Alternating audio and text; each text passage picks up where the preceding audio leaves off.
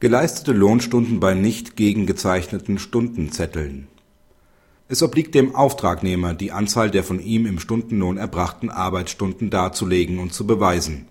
Weigert sich der Auftraggeber, Stundenlohnzettel gegenzuzeichnen, kann der Auftragnehmer die Anzahl der Stunden durch Zeugen und die Vorlage von Rapportzetteln nachweisen. Der Auftragnehmer verlangt vom Auftraggeber restlichen Werklohn für Heizungs und Sanitärinstallationsarbeiten Dabei geht es um Stundenlohnleistungen. Der Auftraggeber verweigert die Bezahlung der Stundenlohnarbeiten mit der Begründung, dass es keine von ihm gegengezeichneten Stundenlohnzettel gibt. Deshalb weicht der Auftragnehmer auf andere Beweismittel aus. Er benennt die mit den Arbeiten betrauten Handwerker und legt Rapportzettel vor. In diesen Rapportzetteln sind das jeweilige Datum, die beteiligten Mitarbeiter, die auf die einzelnen Mitarbeiter entfallene Stundenanzahl und die durchgeführten Arbeiten erfasst in der mündlichen Verhandlung stellt sich heraus, dass die als Zeugen vernommenen Mitarbeiter naturgemäß, so das OLG keine exakte Erinnerung mehr haben.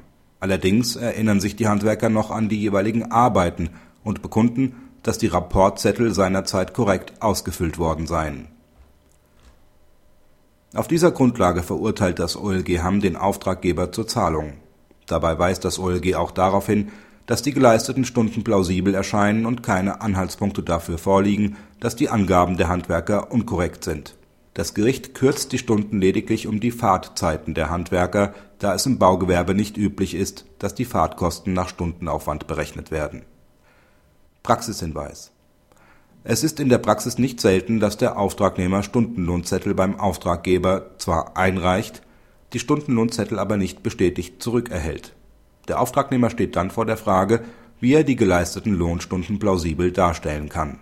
Es ist eine Selbstverständlichkeit, dass dies durch Zeugen geschehen kann. Das Urteil des OLG Hamm ist in diesem Zusammenhang sehr lehrreich, weil es zeigt, wie der Auftragnehmer diesen Beweis führen muss. So wird es im Regelfall nicht ausreichen, dass der Auftragnehmer lediglich pauschal vorträgt, dass an einem bestimmten Tag eine gewisse Anzahl von Stunden gearbeitet worden ist. Vielmehr sind Rapportzettel zu erstellen, die die oben genannten Inhalte aufweisen müssen. Dann schadet es auch nichts, wenn sich die Zeugen nicht mehr an alle Einzelheiten erinnern können